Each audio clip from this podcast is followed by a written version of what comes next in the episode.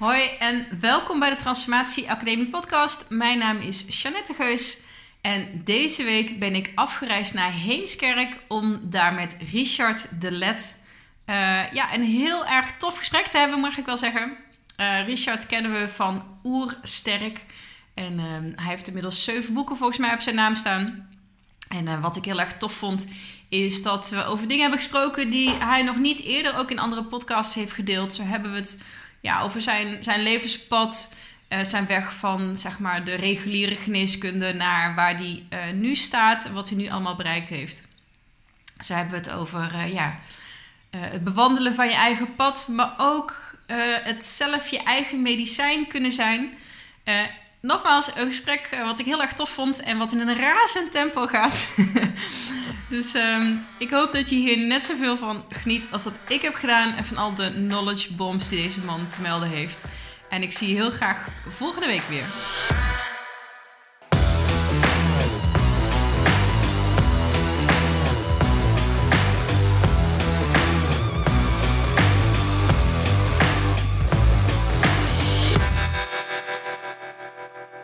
Voordat we naar Richard gaan luisteren, nog kort een boodschap van onze sponsoren. En de eerste dat is Love Fit Food. De website waar je alles vindt over ja, op een bewuste manier omgaan met voeding, training en mindset. Maar dan zonder alle bullshit die je vaak voorbij ziet komen. En met de kortingscode transformatie krijg je 10% korting op alles wat je daar in de webshop vindt. Of je nou de 30 dagen challenge wil gaan doen voor een lichamelijke en mentale reboot. Uh, waar mensen echt laaiend enthousiast over zijn. En ook, um, ja, wat is het gemiddeld? Iets van 5 kilo afvallen. En zich eigenlijk beseffen van, weet je, ik vond dit zo tof en makkelijk en lekker en leuk... dat ik gewoon uh, op deze manier door blijf gaan. Het is geen crash dieet, het is geen wonderpil. Het is gewoon uh, leren eten op een manier die bij jou en bij jouw life... en vooral ook bij jouw lifestyle past... Nou, die Fitfood 30, daar krijg je dus ook 10% korting op. Net als op bijvoorbeeld de kookboeken Fitfood Made Easy en Fitfood at Work.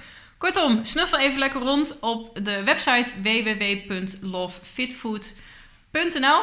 En de tweede sponsor, dat is 12 Waves. Dat is een leiderschapsprogramma, een training voor uh, persoonlijke en zakelijke ja, effectiviteit. Is misschien wel het goede woord voor groei. En dat is het programma wat ik in mijn mastermind groep ook implementeer. En um, dat zei ik ook in de vorige aflevering. Het jaarprogramma, daar gaat een tweede editie van starten. De eerste groep ondernemers is nu uh, een aantal maanden onderweg. En dat gaat zo goed. En er zijn, zijn zulke mooie resultaten en een toffe groep mensen. Dat ik denk, weet je wat, ik ga het gewoon nog een keertje doen. Um, dus als jij ook samen met mij en nog tien andere ondernemers het beste uit het komend uh, jaar wil gaan halen. Uh, als je wil groeien, wil doorontwikkelen en meer succes wil, uh, neem dan zeker eventjes een kijkje uh, op de pagina over de mastermind. en dat, uh, ik zal de link in de show notes zetten. En daar kan je ook vinden hoe je met mij in contact komt als dit je interessant lijkt. Het is niet voor iedereen. Het is echt voor mensen, voor ondernemers of voor startende ondernemers die heel serieus zijn over hun groei. En met mij dedicated aan de slag willen. Dus die vind je in de show notes. En tot slot, en dat is uh, nieuw, je kan mij nu steunen op Patreon.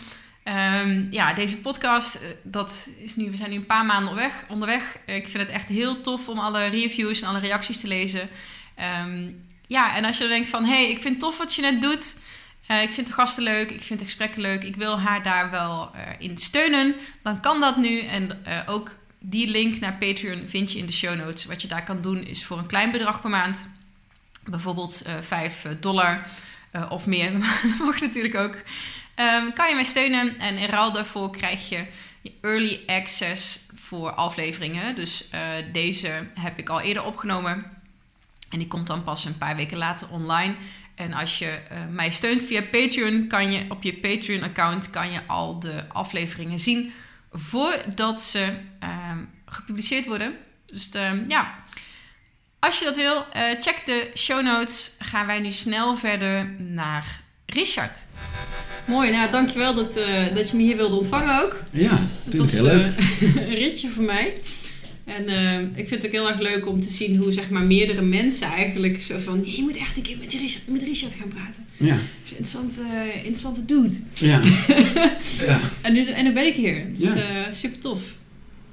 Um, ja, wil je jezelf nog voorstellen? Of, uh, ja, zeker. ja, waar zijn we? Nou, nou, je bent in Heemskerk. Mijn naam is Richard de Let. Ik ben inmiddels 35 jaar jong.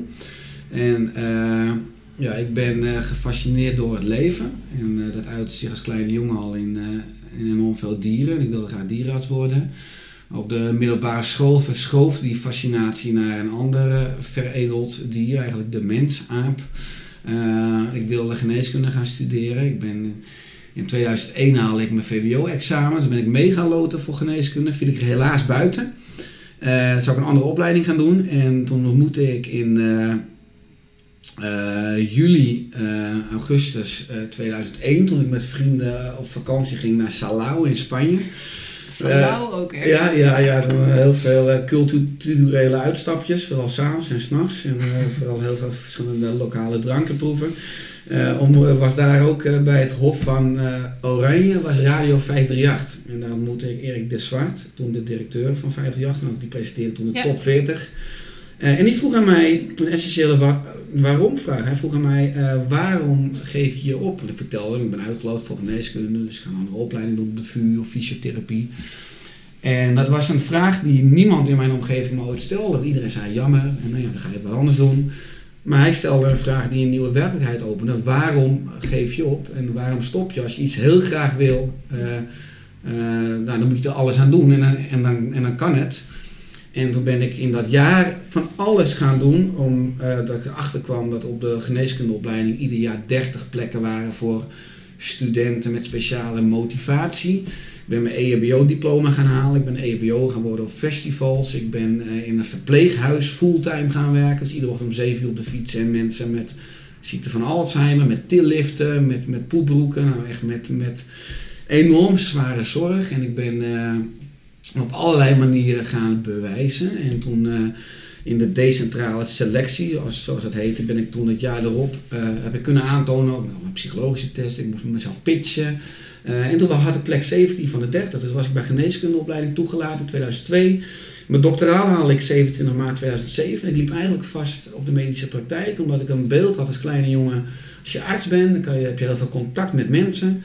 Je kan de oorzaak van klachten aanpakken en oplossen. Eh, en eh, ja, ik had al heel veel interesse in mijn reguliere opleidingen in eh, Oosterse stromingen, in Ayurveda, in transcendente dieptemeditatie, in Rai eh, waar het altijd gaat over lichaam en geest en over de oorzaak van klachten. En ik eh, liep ook vast in, in de artsenkamer, omdat ik was toen 24, omdat er enorm ego-bolwerk is, enorme hiërarchie, waar ik me slecht kon handhaven. En dat zorgde ervoor dat ik op een eh, dinsdagmiddag in eh, eh, juli 2007, Medisch Centrum Alkmaar, waar ik toen eh, stage liep, besloot om mijn witte jas op te hangen en mijn kluis leeg te halen in de artsenkamer, iedereen een hand te geven. En ik zeg, stop, ik, dit, dit is hem niet. Ik, dit, ik ben niet gelukkig, ja, ik viel af, ik sliep slecht, ik had heel veel stress. En toen ben ik mijn eigen pad letterlijk gaan zoeken. Want er was niet een voorbeeld, die, een pad wat die kon gaan van iemand die, die voor mij dezelfde weg aflegde. En toen ben ik 2008 mijn eigen praktijk gaan openen. Eh nou, liep voor geen meter. Ik wilde graag met huisartsen samenwerken. Wilde ook niet, want ik ben toch een beetje een moderne kwakzalver. Ik loop buiten alle lijntjes. Eh, en dat zorgde ervoor dat ik in 2011 in crisis kwam. Want dacht Richard, ben jij toch een sukkel? Ben jij toch, heb eigenlijk een stomme keuze gemaakt? Ben je eigenwijs? Om je eigen pad te gaan was gewoon huisarts geworden. 4000 euro netto. Eh, het was misschien een minder leuke weg, maar, dat, maar die zekerheid lag al vast. Die weg kon je gewoon volgen. Eh, en uit die crisis, die eh, ja, kwam een, eigenlijk werd mijn verlangen groter dan mijn angst. Want ik was heel erg onzeker. Dus ik durfde nooit mijn eigen stem te laten horen. Ik dacht van, ik moet mijn eigen boodschappen gaan opschrijven. Ik moet een folder schrijven. Folder liep, bij de hand. Werd een boek, werd Oersterk in 2012. eh, werd een bestseller. Werd een boekenserie. Ineens was ik auteur. En eh, ik kreeg heel veel uitnodigingen voor... eh, om eh, te komen spreken. En eh, heb ik dus mijn eigen workshops en masterclasses. Ik ben eigenlijk expert preventieve leefstijlgeneeskunde. En ik ben gefascineerd van hoe kun je nou met leefstijl, met beweging, met voeding, met ontspanning, met mindset ervoor zorgen dat je gezonder, sterker, gelukkiger wordt. En het liefst natuurlijk preventief. eh, eh, en, eh, en daar eigenlijk aansluiten bij je eigen natuur. Zo. Ja, ik denk, ik denk, ik denk, Even in een notendop. Ik denk, ik hou het kort. nee, prachtig. En ehm, weet je, het is, het is, het is een mooie reis. En dat is ook waar ik het graag met mensen over heb. Ehm, jouw keuze om je witte jas op te hangen. Ja. eh, en dan zaten er even, volgens mij zaten er nog wel wat gaten tussen eh, in wat je vertelde. Hoe werd erop gereageerd? Want ik, ik ben met mijn pro- promotie terecht gestopt eh, een paar jaar geleden. Dat was voor mij een hele moeilijke keuze. Dus waarom gooi je dit in hemelsnaam weg? Ja, Eh, je hebt zo'n mooie eh, pad voor je liggen. ja. Hoe werd erop gereageerd en hoe ging je daarmee om? Nou, vooral door mijn, eh, door mijn vrouw heel goed. En dat was eigenlijk toen al de grootste steun. Maar vooral ook zelf in familie, in de vrienden. eh, kring, eh, soms paradoxaal eh, dat ze er heel slecht op reageerden. Dat mensen toch het echt jammer vonden dat ze geen eh, familielid, eh, vriend eh, hebben straks die arts is, die, specia- die specialist is. Dat, ze, dat ik bijna hun moest troosten van eh, eh, het, komt, komt wel goed in plaats van dat, dat ze er voor mij waren. Dus vond ik al fascinerend om ook die, die overtuigingen en die patronen onbewust, dat mensen vaak dat niet zelf in de gaten hadden. Dus wat ik ook wel heel lastig vond, want ik heb echt wel last gehad eh, heel lang van ook een soort ego-deel, eh, wat het toch echt verdomd lastig vond, dat ik niet meer die witte jas aan had. En het was toch, eh, als je na het morgens het ziekenhuis binnenkwam en je liep naar de artsenkamer toe, gewoon in je, je kleding en je jas.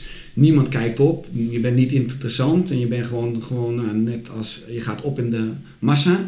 En je komt die artsenkamer binnen, je trekt je jas uit, je trekt je witte jas aan, je met je stethoscoop om en je loopt de artsenkamer weer uit dezelfde route terug. En iedereen die kijkt op en groet je en, en tikt elkaar aan, want daar loopt de arts. En ja, dat doet toch wel wat met je ego, eh, heb ik dan ervaren. En, eh, eh, maar ja, al die lagen eronder. Dus de reacties waren heel wisselend. Ik vond dat mensen het heel lastig vonden om hun eigen materiaal erbuiten te laten. Omdat mensen ook natuurlijk eh, gecon- geconfronteerd werden met hun eigen eh, projecties, eh, overtuigingen en ook onzekerheid van ja, maar waarom stop je nou? Wat ga je dan doen? En ja, ik, ik, ik, ik koos natuurlijk eigenlijk van de echte zekerheid, ging ik lineair direct aan één grote pool van onzekerheid in. Van alles, van inkomsten, qua toekomst, qua praktijk, qua werkzaamheden, of het zou lukken, qua verantwoordelijkheid die je eventueel hebt voor je thuissituatie.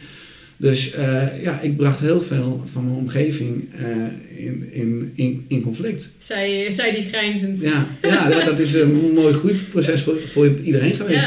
ja, Ja. Wat is daar eh, het hoogtepunt tot nu toe in geweest, in die, in die journey? Voor jou? Hoogtepunt is wel geweest dat ik gewoon wel steeds meer ervaar dat, dat energie de basis van het leven is. Eh, en dat het heel erg belangrijk is dat je helder hebt wat je wil, eh, qua focus. Maar ook dat je als je iets heel graag wilt, ik zeg altijd droom groot en werk klein. Iedere dag met focus je aan iets werkt, dat echt alles mogelijk is. En dan twee voorbeelden. Ik, ik eh, ben qua ondernemer heb ik geen enkele ervaring gehad. Eh, mijn ouders zijn ook geen ondernemers. Dus mijn passie, mijn boek werd een bedrijf, oersterk. En ik ging mensen in dienst nemen. En in 2014 had ik ook te veel mensen in dienst genomen. Ik denk als ik veel mensen in dienst ga nemen, dan eh, gaat de boekverkoop gaat allemaal eh, zeg maar, eh, exponentieel omhoog. Nou, dat ging niet omhoog, dat bleef een beetje hetzelfde. Maar ik had te veel mensen in dienst. En dat zorgde op een gegeven moment voor dat ik in 2014 als ondernemer in een soort crisis kwam. Want ik stond een halve ton rood. En toen moest iedereen uit dienst. En ik was al bezig aan een nieuw boek. En toen kwamen twee dingen samen. Aan de ene kant had je had vrij wat stress kunnen hebben van 50.000 euro rood staan. Eh, maar ik was heel erg bezig weer met het nieuwe boek en wat dat de maatschappij en mensen zou geven. En ik had ook al heel duidelijk begin 2014 als doel van ik wil echt bij een nationaal medium komen. Dus of de, de wereld draait door of echt die night. Eh, ik geef mijn boeken zelf uit, eigen uitgeverij weer. Dus mijn omgeving, zelfs mijn vrouw, zei Richard, wees nou eens realistisch. Eh, je had een beetje grote dromen, het valt altijd tegen. En dan ben je straks weer teleurgesteld. En, maar ik, nou, ik denk, laat ze maar kletsen allemaal. Ik, ik, ik, ik, ik, ik zag me al aan tafel. Ik, ik, ik, ik voelde dat het mogelijk was. Ehm, ik was ook helemaal niet per se bezig met die schuld. Maar Uh, en ik kwam uiteindelijk, uh, dus 21 oktober 2014 zat ik bij echt je late night aan tafel. Wat voor mij echt een bevestiging was van als je gewoon echt gelooft en je werkt hard en uh, je zorgt een beetje, dus dat is kwam fysica, dat, dat, dat al die lijnen ja, in, het, in het universum gaan kruisen. Dan kan je gewoon overal aan tafel komen, enerzijds. En door Oersterk Leven, het boek wat toen uitkwam, ja, verdiende ik dankzij die nationale media aandacht weer 70.000 euro in een maand. En was ik ineens weer van min 50 plus 20. En dat vond ik een heel leuk eh, energetisch spelletje om te ervaren. Dat je gewoon, dat alles energie is. En als je denkt in mogelijkheden en geloof en uh, dat, dat letterlijk alles mogelijk is, heb ik daar heel mooi mogen ervaren door het vertrouwen dat ik altijd heb gehad. Ja, ja. En, uh, want ik hoor je een paar termen ook zeggen, en we zeiden het ook net toen ik binnenkwam, weet je, de, de brug tussen Oost en West, weet je, het gaat over ego en energie en het universum. Uh, ik kan me voorstellen dat op het moment dat je arts bent, dat dat een wereld is die daar heel erg ver van staat. Hoe, ja. Ten eerste, waar is die interesse, waar kwam die interesse eigenlijk vandaan? Waar is dat ontstaan, weet je dat? Ja, sowieso denk ik al dat ik altijd een fascinatie heb gehad voor de natuur. En als je kijkt, dat bijna alle medicijnen zijn natuurlijk chemisch nagemaakt, gepatenteerd, omdat je daar geld mee moet kunnen verdienen uit de natuur. Als je nou hebt over pijnstillers uit de berkenbast, tot antidepressiva uit uh, Sint-Janskruid. Uh, dus daar heb ik altijd al een fascinatie gelegen. En in mijn reguliere opleidingen las ik heel veel andere visies, fytotherapie, dus planten en kruidengenees, uh, homeopathie. Dus ik, ik kleurde altijd buiten alle lijntjes. Ik heb een enorm grote nieuwsgierigheid en ik mm. vind dat ook enorm kwalijk in de geneeskunde, dat je bijna niet nieuwsgierig mag, mag zijn. Als je andere visies hebt of andere visiestromingen onderzoekt, dan hangt de vereniging tegen de kwakzalverij gelijk in je nek, omdat het nou, de grootste groep bange mensen is bijna die ik ken, die, uh, die een heel star en nauw wereldbeeld hebben. Uh, en ik kwam natuurlijk al heel erg achter dat, uh, dat als je gaat kijken naar problemen of, of fysieke klachten, ziektes, dat er altijd een mentale, psychologische, spirituele component onder zit. Dus dat een behandeling nooit echte heling krijg je pas als je ja, de, de kleinst mogelijke actie doet. die uiteindelijk het grootste resultaat geeft, maar je het zelfherstellend vermogen mee stimuleert. En dat kan ook huid-huid contact zijn. Dat kan ook uh, overtuigingen bijsturen zijn. Dat kan ook de natuurlijke planten zijn. Dat kan ook voeding zijn. Dat kan ook zelfvertrouwen, levensdoel, familieopstelling, aromatherapie. Want als je kijkt dat je met geur of met klankschalen ook enorm diep in het oerbrein komt, waar allerlei onbewuste pro programmeringen beïnvloed, losgetrild, veranderd kunnen worden. Ja, eh, die, die, die zoektocht, dat vind ik gewoon magisch. Ik ben gewoon een onderzoeker van het leven, nog steeds. En mijn eigen zoektocht, eh, ook misschien om wat beter mijn eigen gektes te willen kunnen snappen. Uh, die heling, dat proces, ja, dat gebruik ik eigenlijk gewoon weer in die praktijk en in al mijn diensten. Ja. ja. Ik ben heel blij dat je het zegt, want ik reed, uh, reed naartoe. En misschien is het ook wel weet je, de naam Oersterk. Kijk, ik ben zelf ooit begonnen met uh, Love Food op het, het paleopad. Ja. Uh, dus dat is ook mijn eerste associatie die ik heb bij het woordje oer. Ja. ja. ik weet als ik, dat het meer is dan dat. Uh, maar ik ben misschien ook uh, e-team psychology coach.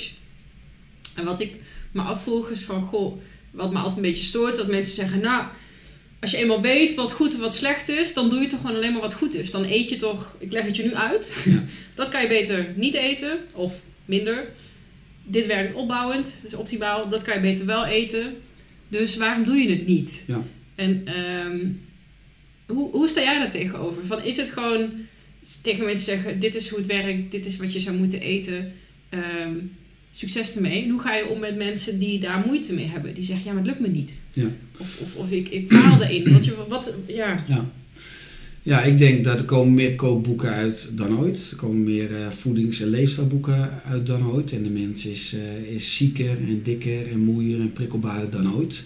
Dus het laat goed zien dat de mens een, uh, een irrationeel, emotioneel wezen is. Ik maak in mijn nieuwste boek Persoonlijk Leefstijlplan echt heel duidelijk onderscheid tussen het mensbrein, die prefrontale cortex, waar al die kennis op inwerkt, en het oerbrein, het limbisch systeem, het emotionele brein en de hersenstam waar emoties, instincten zitten.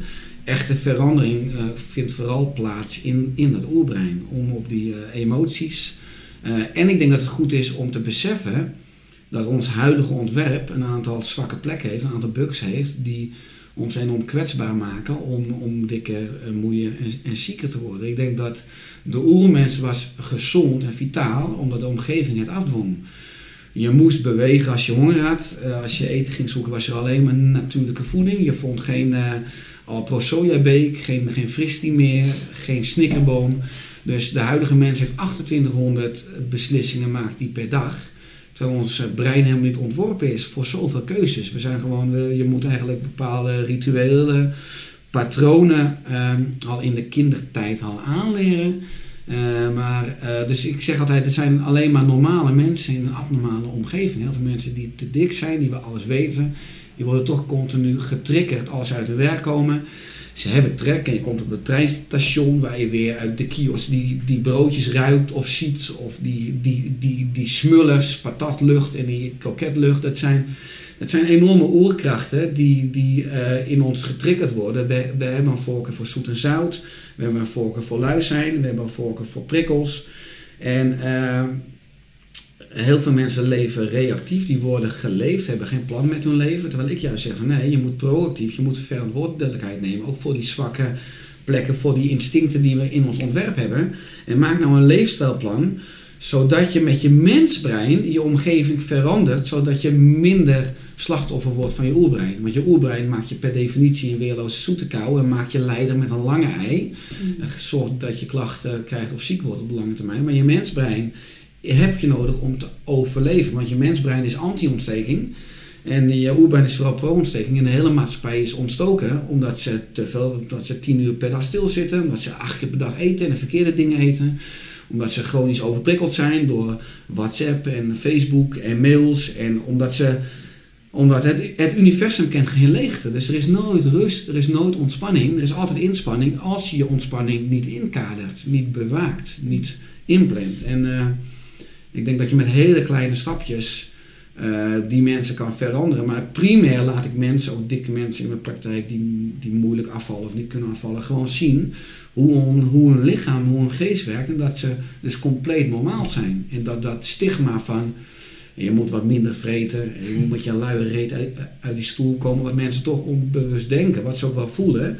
Uh, dat dat juist haak staat op echte verandering. Omdat het continu de sympathicus activeert. Terwijl eh, dus diepe ontspanning en acceptatie en erkenning en het snappen ook zorgt voor een bepaalde ontspanning in een parasympathicus, uh, deel van het zenuwstelsel wat juist zorgt voor afvallen, voor opbouwen, voor herstel, voor genezen, dat dat deel aangaat. Ja. En, en dus je moet enorm oppassen met veroordelen. Altijd, hè, want alles, ieder gedrag heeft een voordeel voor een persoon of evolutionair voor de soort.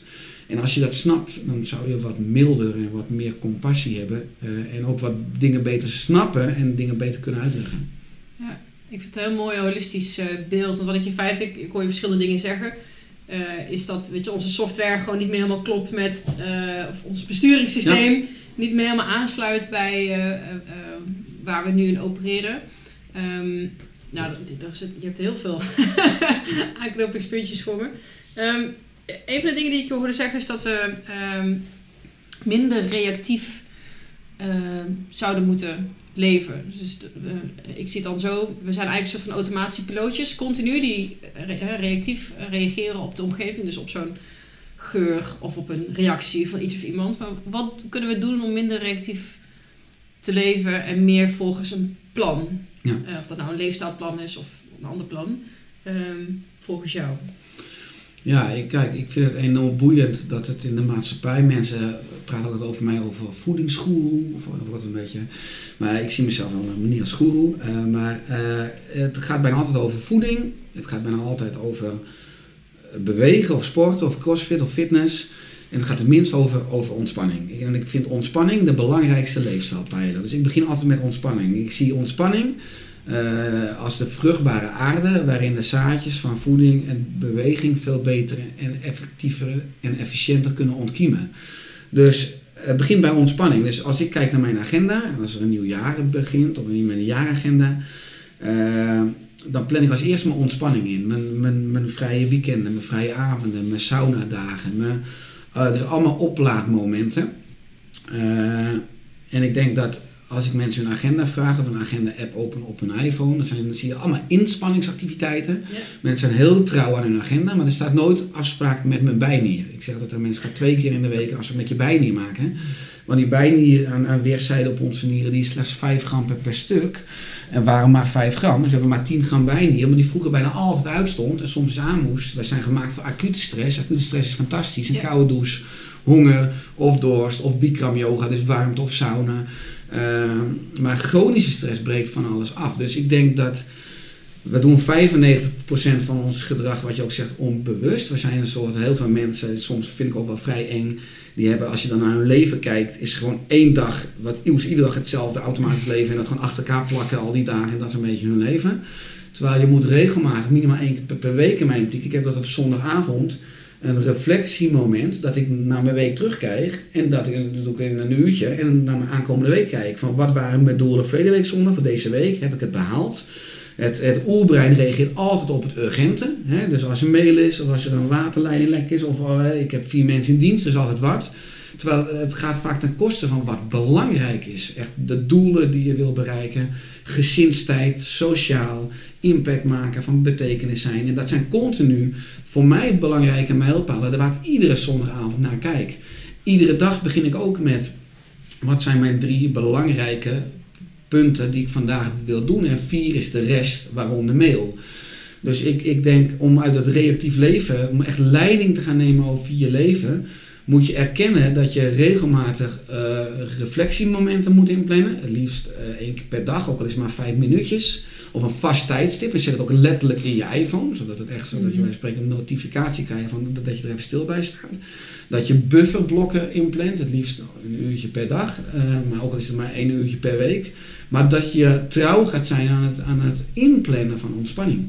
Omdat het continu eikpunten zijn dat je bewust wordt van hé, hey, waar ben ik eigenlijk mee, bezig? Op welke koers zit ik nou? Waar ben ik aan het ontsporen? Maar continu als je stress hebt, drukte hebt, dan val je terug in oude patronen, in onbewuste patronen, in evolutionaire patronen waar je toch vaak negatief beïnvloed wordt door de omgeving en door die instincten. Je gaat vaak kunstmatig eten. Je gaat, als je slechter eet, dan word je moeier. Heb je minder zin om te bewegen. Als je minder beweegt, ga je slechter slapen. Word je moeier wakker. Heb je weer meer trek in koffie en, en koolhydraten als brood en jam. En, uh, dus het is vaak een...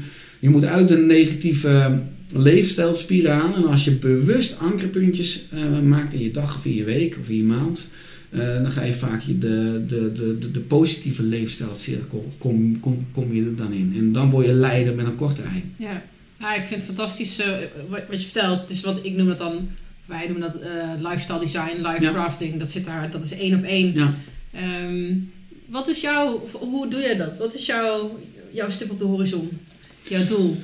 Ja, nu is mijn stip op de horizon dat in, uh, één, uh, in 2022 1 miljoen mensen leiders zijn van hun, ja, van hun lichaam, van hun uh, lijf en hun fysiek en mentaal welzijn. Ja. dat maak ik concreet door in januari 2019 gaan mijn eigen opleiding starten. Dus ik wil eigenlijk 100 mensen op gaan leiden. Uh, die uh, elk bij spreken 10.000 mensen kunnen bereiken. Die niet alleen maar één op één goed kunnen werken, maar ook op een podium kunnen staan in een buurthuis of in een zaaltje. Die ook eigenlijk dat, die, die oersterk, uh, dat oersterke concept van, van de mens in het hele leven. En eigenlijk in de opleiding word je, krijg je een gezond lichaam, een, gezonde kop qua mindset en psychologie, maar ook een gezonde business. Er zijn veel, veel therapeuten en artsen die gewoon het businessdeel niet snappen, waar je al aan de uurprijs ziet dat niet klopt. Dat is ook energie, dan kan je nooit uh, voldoende balans en energie hebben om ook hard te kunnen ontspannen. En, uh, dus, uh, dus ook bepaalde businessprincipes. maar dus het, het grotere doel is nu in 2022 zijn 1 miljoen mensen leiden. Ja, ja.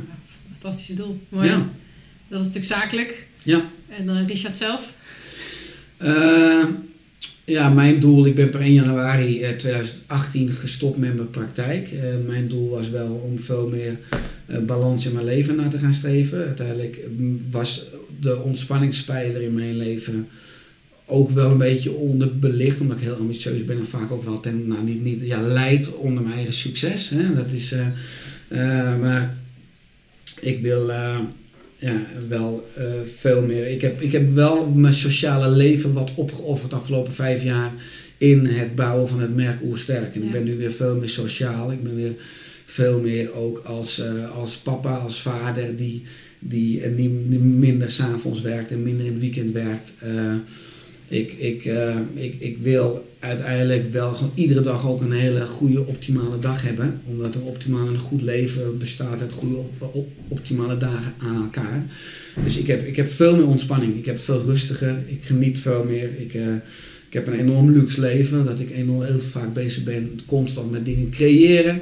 En dan ook letterlijk hier zit of sta of in de omgeving ben of naar Amsterdam ga en gewoon naar een restaurantje, cafeetje gaan en daar ga schrijven of ga creëren. En, eh, dus eh, ik heb het veel rustiger. Ja. Ja. En ben daarmee ook veel meer aanwezig als man, als vader, als vriend. Ja. Ja, mooi. Ja. Ja, en het is, het is heel herkenbaar hoor. Volgens mij, als je als ondernemer in de fase van 0 tot 1, als je bouwer bent, ja, weet je, ja, balans, werk-privé-balans, Ja. het slaat door naar één kant. En Ja. als het goed is, is dat dan ook na een paar jaar, Ja. kan je ook weer daaruit. Dus dat, eh, ja, prachtig. het is ook echt wel een valkuil. Want eh, ik zeg, ik heb ook voor mijn gevoel geen werk, want het is een beetje een levenswerk. Als Ja. ik eh, eh, ander werk zou doen, of ik zou enorm rijk zijn of niet moeten werken, dan zou ik toch hetzelfde vandaag en morgen doen, want ik heb, ik heb geen andere keuze. Ja. Ik, ik moet wel. Aan de andere kant is mijn valkuil jarenlang geweest dat ik altijd deed wat ik leuk vond, maar ik vind alles leuk. En dat is het idee continu te veel en ik kon projecten niet goed doen of dan weer te weinig zorg dragen voor balans en ontspanning, ook soms voor slaap, dat je te vaak s'avonds laat en s'nachts doorging. En daar ben ik eh, heel erg blij met secretariaten, op, op, zowel op de eh info de LED als info Oersterk. eh, dat, dat er mensen zijn die weten wat belangrijk is voor mij, voor Oersterk. Maar wel heel veel filteren, want ik krijg iedere dag initiatieven en uitno- uitnodigingen voor... eh, eh, niet alleen maar voor leuke podcasts, maar ook voor, voor boeken, voor concepten, voor nationaal. En. Ik kan wel heel slecht voor die balans zorgen, dat erken ik ook. En daarom is, ben ik blij dat er ook nou een filter voor zit. Ja. Het, eh, Waarvan we wel continu bezig zijn met het grote waarom van Oersterk en sluit dat aan. En meestal is het nee, maar ik kan wat minder goed nee zeggen. Ja, ja, ja, ja. Ja, ik voel het ook, weet je. Je bent super...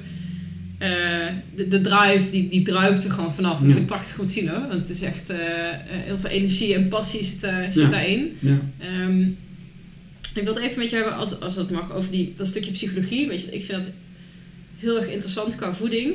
Ehm, maak je alleen maar optimale keuzes? Hoe zit het met de, de balans daarin? Is er ook ruimte voor, zeg maar, ja, suboptimaal eten of leven? ja, ik denk dat het hele leven is, eh, is eh, suboptimaal presteren. Ik denk dat het hele leven is een één groot faalproces in uitvoering. Ik denk dat we heel anders mogen kijken naar, naar groei.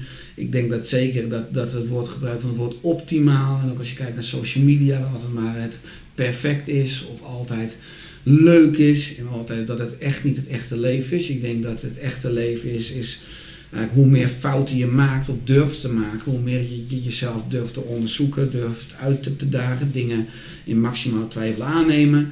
Eh, zeker als je eh, de dingen gaat trainen, dingen gaat proberen, dan is het, dan is het juist nooit perfect, is het suboptimaal en is het continu dingetjes perfectioneren. Maar dat perfecte punt, dat optimale punt, bereik je misschien wel nooit. Dus dat is een beetje een lege huls en een arm leven en een skraal leven als je continu iedere dag tot de, de conclusie komt dat je leven vandaag nog, niet optimaal is. Dus ik gebruik die woorden misschien soms ook wel verkeerd, omdat ik daarmee een verkeerd beeld geef. Ik, ik, ik ben zel- zelf nu bezig op Pabo's. Om dus een, eh, om, om leermodellen te maken voor basisschoolleerkrachten en om werkbanen te maken op basisscholen. Ik vind het nog steeds verkeerd dat we onze kinderen continu zeggen na een toets van hoeveel fouten kinderen hebben. Dat merk ik ook aan mijn zoontje Noah. Die is ook bang om fouten te maken, ook om fouten te gaan schrijven. Terwijl laten we nou alle fo- focus leggen op dingen die goed gaan. Op dingen die misschien nog beter kunnen. Maar op de unieke elementen van een kind. En dat we ook een kind eigenlijk al leren als programmeringsovertuiging. Van nou, ga vooral fouten maken. En hij zit ook op voetbaltraining. En hoe meer fouten je maakt, nou gefeliciteerd. Want hoe beter je zal worden. Of hoe groter je zal worden. En, en ook, eh, ja, ik heb zoveel fouten gemaakt. Mensen die... eh, die die eh, eren mij of zijn continu jaloers of kijken naar mij als iemand die heel erg succesvol is. Maar ja, dat, dat is echt maximaal 1 tiende. Er is zoveel geflopt, zoveel gefaald. En nog steeds ben ik met zoveel concepten bezig die het niet redden. Eh, dat zien mensen misschien niet, hoewel ik zelf altijd eerlijk ben en transparant ben als mensen ernaar vragen. Want ik heb niets te verbergen, juist dat hele plaatje, dat is het echte leven. Maar uh, ja, het leven is vaak dat je moe bent, dat je niet lekker in je vel zit. Dat het gras bij de buren altijd groener lijkt. Dat die zakelijke kans weer mislukt. Of dat je maar er is bij mij altijd maar één keuze. Dat is doorgaan. En, en, en, en, en blijven doen wat je, wat je wel leuk vindt. Uh, ook al ben je moe, al zit je niet, niet, niet, niet lekker in vel. Uh, vitale, juiste mensen om je heen blijven opzoeken. Of juist mensen die, die verder zijn, waar je van kan leren, waar je van kan groeien. Ik lees één week of ik lees één boek per, per week. Ik ben gek op boeken. Vind boeken echt als geniale filtraten van mensen die jaren aan een boek werken, wat je in een week kan uitlezen. Dus ik, ik, ik probeer continu dan een mastermind aan te boren van mensen die groter leven en denken. Maar wel in het besef dat juist groots leven, perfect leven, is gewoon je imperfecties uh, accepteren. Erkennen dat, dat, dat, dat je imperfecte dagen hebt. En dat dat perfect is. Uh, en dat je niet en dat het perfecte ja, misschien ook wel een illusie is, of wel inderdaad die stip is. Uh, maar we zijn per definitie een mens, een mens, van vlees en bloed. We hebben onze eigen programmeringen. We hebben, we hebben, we, we hebben troep en bagger meegekregen in de eerste zeven jaar van ons leven, in de zwangerschap van ons kind. We hebben een uh, transgenerationele lijn van onze ouders en grootouders, waar, waar we ieder mens gewoon onbalans in zitten. En in die zin worden we als mensheid steeds zwakker, omdat die onbalans natuurlijk ook steeds, steeds meer stapelen. Dus uh, ik vind het een heel boeiend filosofisch uh, ja, discussie, overdenkingsstuk. Maar perfectie en, en optimaal is echt een lege huls. Je, komt echt, je, bent, je wordt bijna denk ik ook depressief als je de illusie hebt dat een perfecte dag...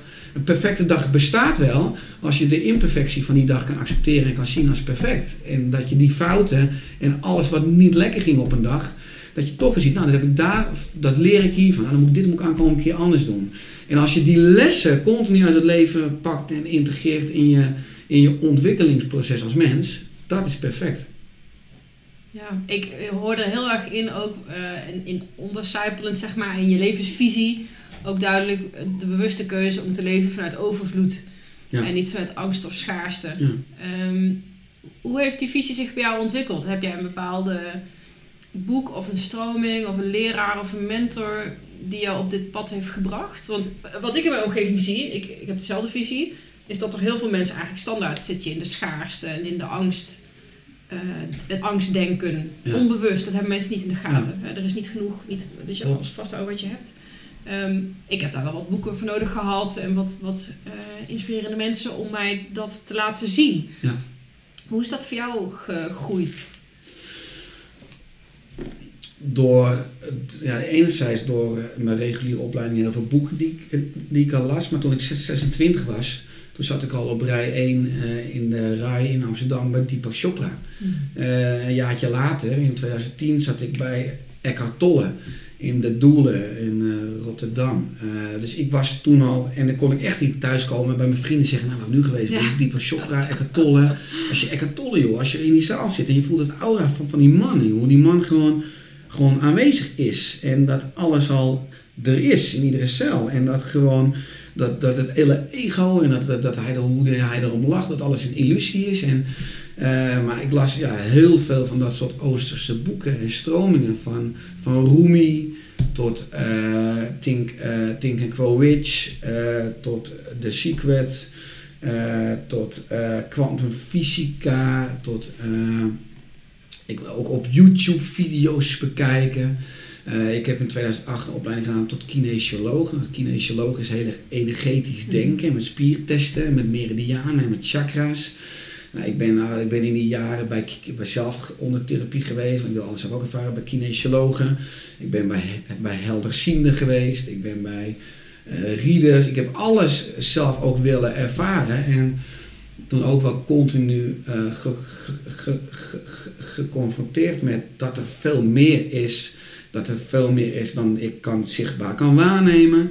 Uh, dat, je, dat je ook, of je nou gelooft of niet, maar geleid kan worden. Dat er een soort blauwdruk is, uh, die, of een zielenaspect. Dus Eh, ik ben gewoon daar ook altijd heel erg onderzoekend op geweest. Maar enigszins ben ik bij heel veel therapeuten geweest. Maar ik ben, ja, het was natuurlijk bijna onmogelijk om, om, om mezelf te helen. Omdat ik uh, mezelf nou, echt uh, enorm veel afwijkende programmering heb.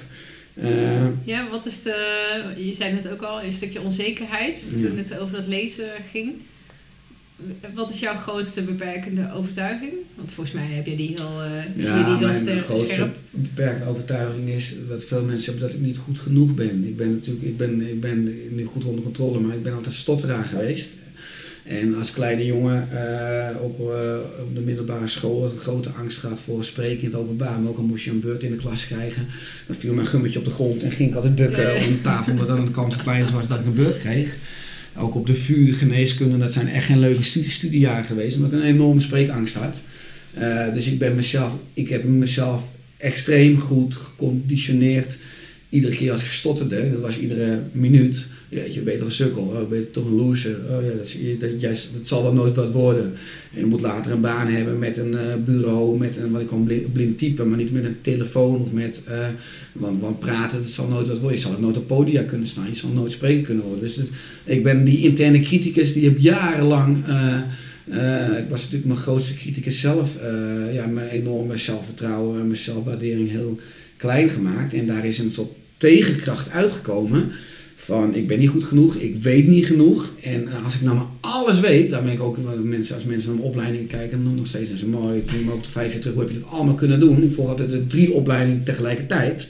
Ik denk, als ik straks alles weet, dan kan ik de wereld een poepje laten ruiken. Dan kan ik ze laten zien dat ik wel goed genoeg ben. Dat ik wel, dat was een verkapte manier natuurlijk om erkenning en aandacht en liefde te krijgen. Die ik vooral niet van mezelf kreeg. Uh, en die onbalans is een enorme kracht geworden, want ik heb inmiddels zes boeken en allerlei diensten dat mensen zeggen van, oh, heb je dat ook kunnen doen? Nou ja, omdat dat een lekkere onbalans was als motor. Die, die erken ik wel en die doorzie ik wel, maar ik, ik los hem niet helemaal op, omdat het nog steeds een... een ja, ik, ik leid inmiddels, hij zit bij me op schoot, terwijl het voorheen altijd andersom was. En dan ben je natuurlijk echt slachtoffer. Ja. Uh, dan ben je zo vaak ook onbewust, dan ben je, heb je niet goed zicht op je primaire drijfveer. Uh, maar nu kan ik het ook wel gebruiken als kracht. Ja, ja. je, je zet hem nu, je laat hem voor je werken. Ja, ja, ja, ja. geweldig. Wat kunnen wij, wat betekent uh, transformatie voor jou? Of hoe zou jij transformatie uh, definiëren? Kunnen we transformeren als mens? Ja, zeker. Ik denk, denk dat dat uh, in die zin ook het doel van het leven is. als je kijkt in het logo van mijn praktijk ook, of van een artsenlogo, daar zit natuurlijk een slang in. en een slang is ook symbool voor uh, dat die zijn huid kan verversen, een nieuwe jas kan aantrekken. Ik denk dat wij als mensen, ik zeg dat het leven is niet maakbaar, maar wel stuurbaar. de genetica is niet interessant, maar het gaat om de epigenetica. Hè, met onze leefstijl, alles wat we eten, drinken, denken en doen, praat met onze genen en kan ons sterker of zwakker maken. Maar dat we ook ons als mens, dat je ja, misschien tot je achttiende onder de vleugels valt van je ouders. En kan zeggen, ja, dat is de verantwoordelijkheid. Of zo ben ik nou eenmaal door mijn ouders, of door mijn opvoedsysteem, door mijn schoolsysteem, of dat wat ik meegemaakt heb. Maar dat je na je achttiende, om een heel zwart-wit afkappunt te zeggen, echt een verantwoordelijkheid hebt over je eigen systeem. En over je eigen leven. En dat je alles... Uh, uh, dat, je, dat je bijna overal aan kan werken, dat je overal overtuiging kan, kan herschrijven, dat je dingen in balans kan brengen.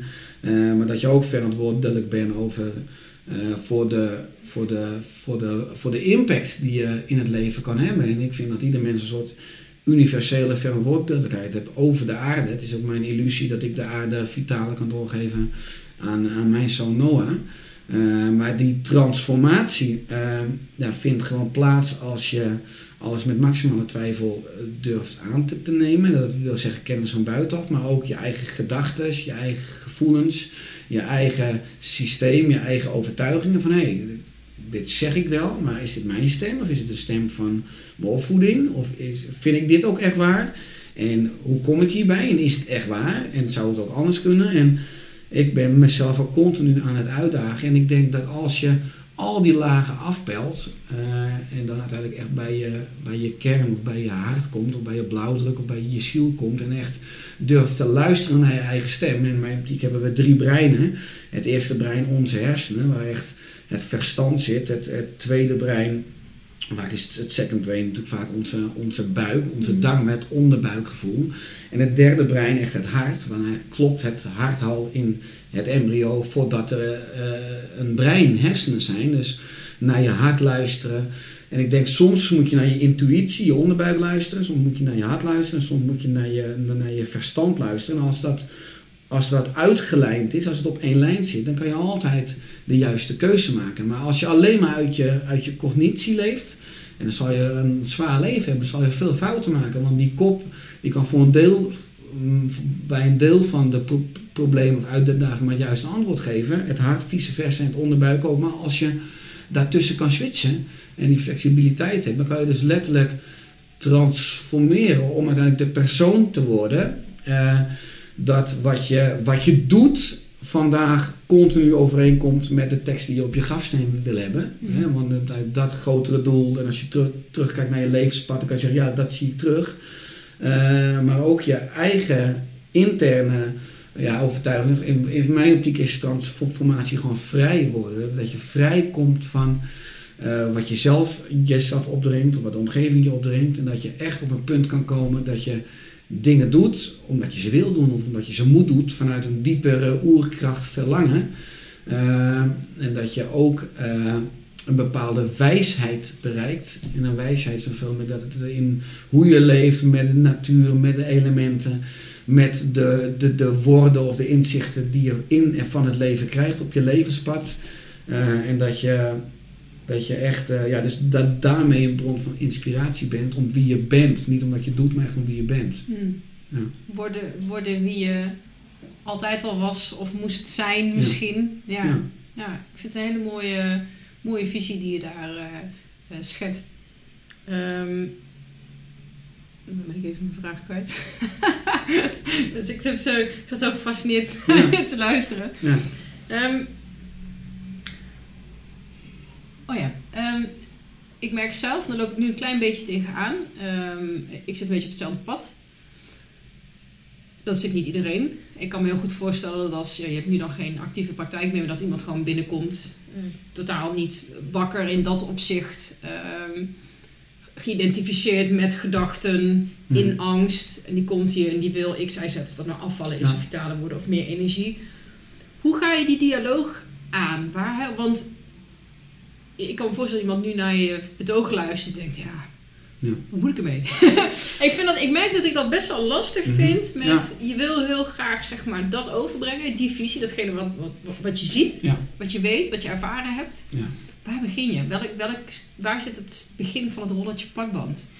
Ja, in mijn optiek door, eh, door een proces wat deep learning heet. Dus als je mm, iemand zelf eigenaar maakt van zijn gedachten. Als je iemand manager maakt van zijn gezondheid. Dat iemand inzicht heeft in de patronen die ik in mijn leven heb. Wat een, eh, wat een eetpatroon is, een drinkpatroon, een zitpatroon, een denkpatroon, een slaappatroon. Die hebben uiteindelijk zo- zorgen die voor de feedback die mijn lichaam nu geeft. Uh, en uiteindelijk moet ik ook zeggen dat op mijn leerproces ik heel veel punten heb gehad dat je bepaalde stadia bereikt en niet per se blijer bent, op, bijvoorbeeld op het voedingsgebied. En hoe meer je daar echt, echt, echt, echt snapt en ziet, hoe minder je bij spreken kan of wil eten. Dat ik soms zeg, oh, kan, ik dat ook niet meer eten? En denk oh, dan kan ik dat ook niet meer. En hoe meer je, ja, misschien dat niet per se, ik ben heel een positief mens, maar hoe meer je de belangen en het huidige systeem doorziet, hoe minder leuk de wereld wordt en hoe meer, hoe meer je ook ziet hoe, hoe rot en ziek de huidige wereld is. Ik denk dat het goed is als constatering, maar dat je wel uiteindelijk ook ziet van dat er echt geen partijen zijn, ook nationaal, maar ook bijna wereldwijd, zeker ook in Brussel, wat een lobby, lobbycratie is, die jouw belang op één hebben. Want ziekte is een fantastische economie. Je moet gewoon eten en drinken en, en van al wat comfort kopen. Maar dat je daar wel een kracht van, van nee, ik ben zelf verantwoordelijk voor mijn eigen leven. En als ik snap wat mijn lichaam nodig heeft, als ik snap waar mijn lichaam het nu niet, krijgt en vanuit dat conflict gaat mijn lichaam dus nu signalen geven en klachten geven die ik nu heb. En dan kan ik op deze manier bijsturen. En uh, als ik dan dit eet of drink, dan gebeurt er dit met mijn darmbacteriën. Met darmbacteriën praten weer met mijn hormonen. Mijn hormonen die zorgen dan weer voor, voor dit in deze organen. En het geeft eigenlijk deze klachten die, die, die, ik nu heb. Dus ik, ik zie, zeg maar, soms komen mensen binnen en die zeggen, nou, uh, ik moet van mijn vrouw komen en, en, jij gaat me vertellen wat ik wel en niet meer mag eten. En dan zeg ik, nou nee, ik vertel helemaal niets en je moet van mij ook helemaal niets. Alleen ik zie mezelf continu als een soort tolk en ik begrijp heel goed de taal van je lichaam. Als je mij je bloedbeeld geeft, als ik een scan maak van je stofwisseling, als ik je zuur gaat meten in je speeksel, als ik bepaalde dingen uitvraag, eh, dan snap ik wat je lichaam aan het schreeuwen is, wat je lichaam aan het vertellen is, de feedback die je lever geeft. Je lichaam, je lever zegt tegen jou, je nieren, je bloedstolling, je hersenen. Uh, alleen je luistert niet naar of je snapt het niet. En als je dat op een leuke manier, ik ben, ik ben heel goed geworden door mijn stotteren, kon ik vroeger op de artsopleiding met het medische jargon, kon ik die termen niet uitpraten. Ik kon het, niet, ja, ik kon, ik kon het letterlijk niet uitspreken. Als ik een uh, alvleesklierontsteking had, en dan moest ik wel zeggen een pancreatitis. Ja, ik stotterde zo bij het woord dat je een kop thee kon gaan halen. Ik kon terugkomen en ik was nog steeds bezig met pancreatitis. Uh, uh. Dus ik, heb, ik ben enorm getraind in hele complexe materie in je Janneke taal uitspreken, omdat ik niet anders kon. En ik heb mensen die soms in mijn praktijk chronisch ziek zijn, uh, soms wat lagere sociale klasse, die zeggen: Richard, jij legt me nu in 10 minuten dingen uit. In 15 jaar artsen, ik heb dit nog nooit begrepen. Ik heb nog nooit begrepen dat er dan dit aan de hand is. Of dat dit bij mij in mijn leven uit balans is. En dat ik dit zelf zo invloed op heb. En dus ja, dat is continu mijn strategie om in te voelen. Ik pas heel erg, ik ben heel erg goed die chameleon, die strategie die ik heel, mijn hele leven heb gehad. Als iedereen me aardig vindt, ik pas me altijd aan iedereen aan. Dus als iemand binnenkomt, of je hoog opgeleid bent, laag opgeleid, ik kan me met taalgebruik aanpassen, ik kan me met mimiek aanpassen. Maar ik ga continu een proces starten van deep learning, dat zij snappen wat hun lichaam hun vertelt. En, en dan gaat het niet meer om wat ik vind, want een mens wil heeft niet per se weerstand tegen verandering, maar wel weerstand tegen veranderd worden. Mhm. Als ik ga zeggen, nou weet je, je moet nu, eh, dan denk je, hallo, dat maak ik wel uit, dan gaan ze contra doen. Maar je lichaam geeft aan dat en leg het uit, zeggen mensen, oh, maar kan ik dan niet beter? En dan zeg ik, nou fantastisch dat je dat nu voorstelt, dat lijkt me een heel goed idee. En de therapie trouwens veel hoger. Dus, dus ik, ik moet die, je moet altijd die shunt maken.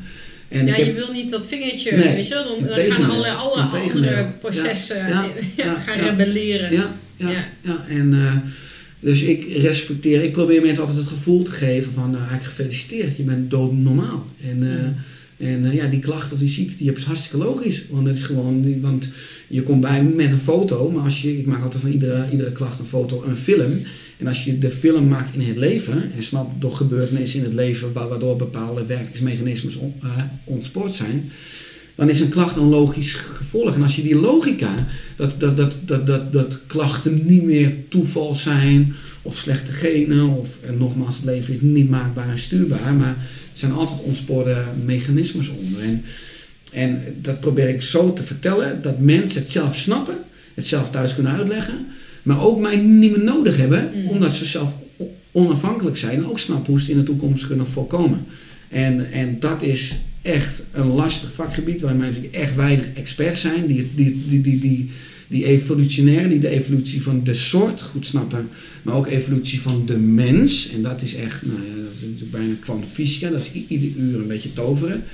Uh, en dan kan je gebruik maken van spiertesten tot uh, stofwisselingsscan, tot bloed. Uh, dus alles wat ik combineer maakt echt een uniek pakket. En, maar dat blijft magie. En dat, dat vind ik uiteindelijk het leukste. Dus in de geneeskunde moeten we alles natuurlijk valideren en evidence-based medicine. Dat bestaat niet, bestaat alleen maar evidence-biased medicine. Alles is beïnvloed al door onze intenties. Maar er bestaat geen protocol. Hè. We behandelen iedereen in de geneeskunde alsof die schoenmaat 42 heeft. Hmm. Terwijl het is een groot verschil of je een man, vrouw, 50 kilo, 120 kilo voor de overgang, na de overgang of een psychologische component speelt. En daar kan je geen protocol voor maken. Maar dat is het toven wat, wat, wat, ik echt leuk vind. Ja, ik vind zelf ook dat de psychologische aspect daarin, dat is dan weer mijn achtergrond. Uh, en de relatie die uh, psychologie, mindset, vroege ervaring, zeg maar opvoeding en keuzes hebben. Dat is gigantisch. Ja. maar dat, dat, zie, dat zie je niet, zeg maar. Uh, want voeding is, voeding is niet alleen maar brandstof. Voeding is emotie, ontspanning, liefde. Dat zijn patronen die je al gewoon in de baarmoeder inderdaad opgroeit van stress. Klopt. Uh, ik vond het heel mooi wat je zei. Hè? Dus dat, ja, eigenlijk een beetje een pessimistisch beeld. maar dat het een opeenstapeling is van zwaktes. Dus um, waarschijnlijk in het boek ook wel Gabor Maté. Dus de, de verslavingsonderzoeker, Canadees volgens mij. is dat de stress in de baarmoeder, dat dat ook gewoon mijn dagelijkse keuzes beïnvloedt in grijpen naar alcohol, sigaretten, whatever, of, of Ja. oh, eh, te hard werken. Ja. Ehm, dat je daarbij denkt, en dat is dan weer beïnvloed door die dienstouders, en is weer beïnvloed door dienstouders.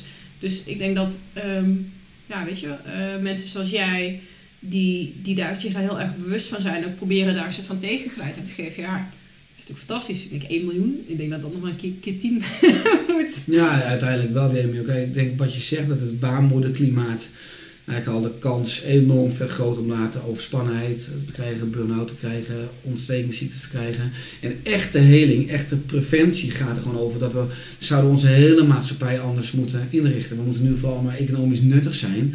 Maar als we nou de hele zwangerschapsfase, dat we al aanstaande zwangeren al enorm kunnen begeleiden met de juiste kennis en ontspanning en de juiste omstandigheden. Dat we wat ze in Scandin- Scandinavië veel beter doen. Dat moeders en vaders twee tot één jaar thuis Ja. kunnen blijven.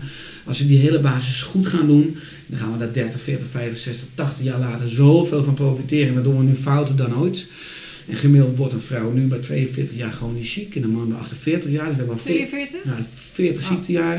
En ik denk dat de generatie van Noah straks echt al bij 30 jaar chronisch ziek is, al 25 jaar. Dat wordt één groot drama. Omdat we in een zwangerschap bij kinderen, als je kijkt wat voeding, wat kinderen nu te eten krijgen, hoe weinig kinderen bewegen en alleen maar achter die eh spelcomputertjes zitten, hoe weinig ontspanning er is, hoe kinderen overprikkeld zijn, hoe er een toename is aan medicijngebruik bij kinderen, aan ADHD, aan neuropsychologische stoornissen. Het is, we, zijn de, de zwakste generatie ooit aan het eh, creëren. Vanuit macro-perspectief is het fantastisch. We zijn met 7,2 miljard mensen. Dat gaat naar 9. Nou, we zijn nu weer lekker bezig dat we, dat we straks een beetje onszelf gaan laten uitsterven. Dus vanuit macro-perspectief is dat goed, want de natuur regelt zichzelf. Hè. We gaan als een parasietenplaag over de aarde heen. Maar daar ligt het echte kneedbare goud. En als we dat, dat, dat moeten we letterlijk anders gaan doen om die gezonde maatschappij te creëren. Ik had ehm, vorige week Peter Joosten in de podcast. eh, bio, iemand die spreekt ook over biohacking. Ja. Zie je daar nog, eh, is dat een ontwikkeling waar jij ook mee bezighoudt? Of waar je nog met een schuine oog naar kijkt om, om jouw praktijk te kunnen ondersteunen? Nou, zeker. Ik denk dat die, die technologische mogelijkheden steeds meer deel gaan uitmaken. Ik denk ook als je kijkt in de geneeskunde dat bijvoorbeeld dat er over tien jaar nog ineens meer chirurgen nodig zijn. Omdat we niet meer extern opereren, maar gewoon met laserstralen. En dat allemaal, als je ziet wat daar ook aan, aan het ontstaan al is. Eh, en, en biohacking, ik denk dat we, dat we de mens, dat we allerlei functies steeds beter kunnen meten. Of het nou een chip is of iets wat we doorslikken. Of, en dat daar ook steeds meer een eh, gepersonaliseerde eh, geneeskunde gaat ontstaan. Ook, maar ook op het gebied van leefstijl. Persoonsgebonden leefstijladviezen. Dat, dat, dat je bij spreken in de CrossFit-box al eh live advies krijgt van nee, je moet nu niet 62 kilo opdrukken, maar 68. Of je moet die oefening niet doen, maar nu vooral die oefening. Of je moet vooral op die spiergroepen. Dus dat, dat, het is niet per definitie slecht en of eng. Ik denk dat alles is uiteindelijk ook, eh, is, is ook een bron van mogelijkheden die, die misschien altijd 1 plus 1 is 3 of 1 plus 1 is 11 ontstaat. Ja. Ja.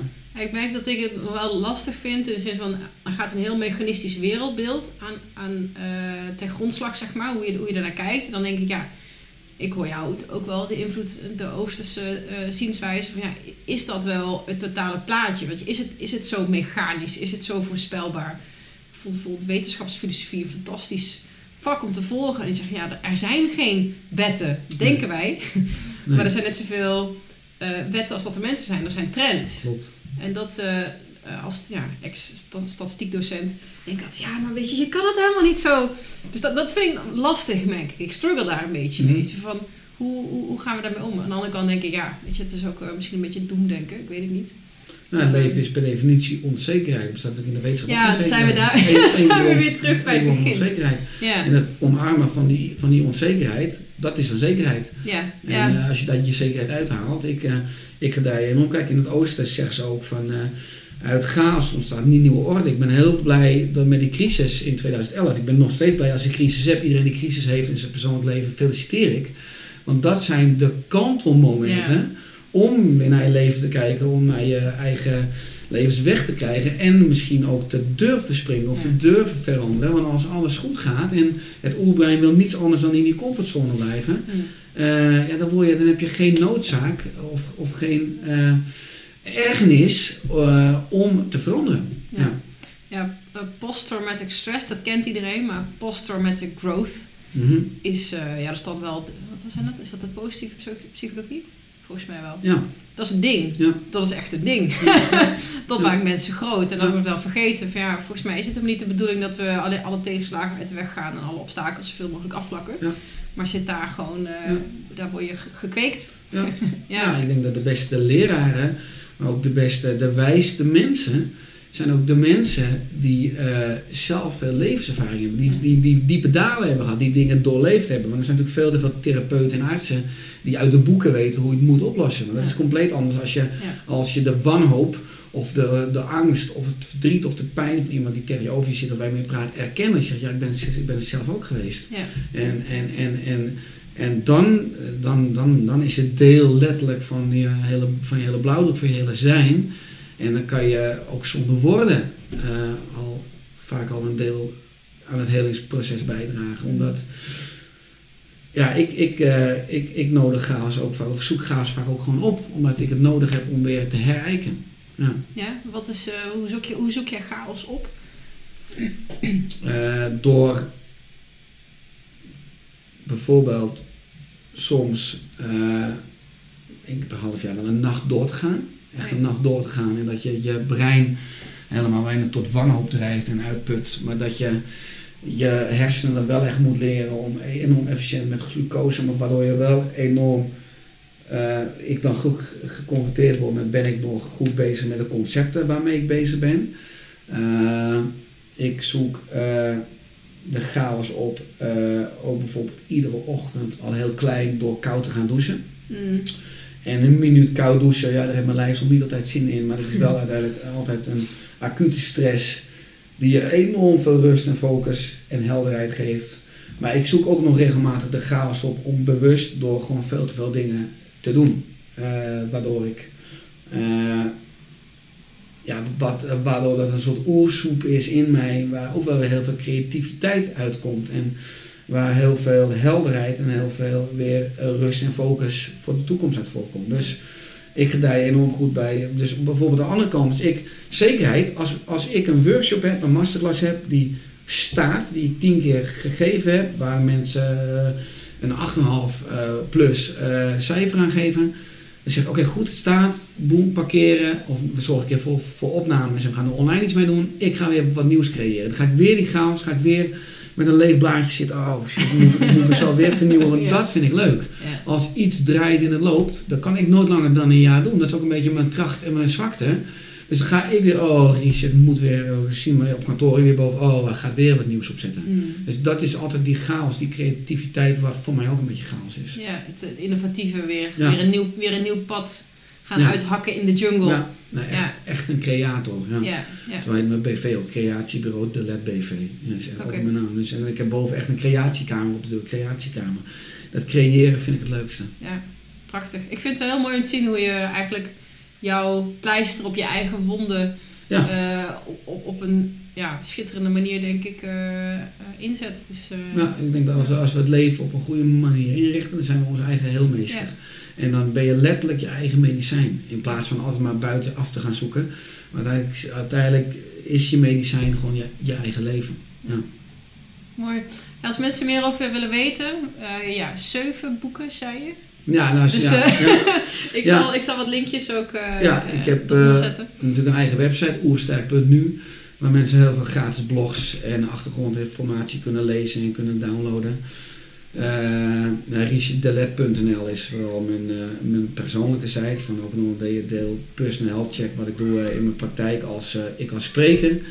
Eh, ook vooral wat meer op de zakelijke markt. Eh, maar oersterk.nu eh, laat ook al duidelijk mijn workshops en mijn lezingen en mijn blogs. Iedere week komt er een nieuwsbrief uit met een blog en een onderwerp. En gaat inmiddels al ruim 50.000 mensen iedere week. Dus ik, en ik ben wat meer nationaal zichtbaar. Dus je komt me wel overal tegen. Maar mijn boeken zijn natuurlijk ook gewoon via bol.com in de boekhandels te vinden. Ja. Oersterk of persoonlijk leesplan. Nou, prachtig. Dankjewel voor je tijd Ja, heel graag gedaan. eh, en de inspiratie. Dank voor je moeite om naar Heemstek te komen. ja, gedaan.